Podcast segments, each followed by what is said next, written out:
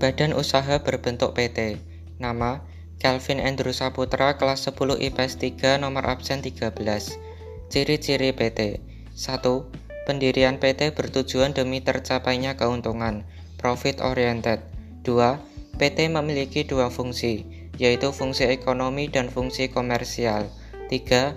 Sumber modal tidak lain berasal dari saham-saham dan obligasi. 4. Tidak menerima fasilitas dari negara. 5. Kekuasaan tertinggi pada PT dibentuk melalui rapat umum pemegang saham. Kelebihan PT 1 Pemegang saham memiliki tanggung jawab terbatas. 2. Masa hidup perusahaan dapat terjamin secara berkelanjutan. 3. Ada pemisah antara pengurus perusahaan dengan pemilik perusahaan.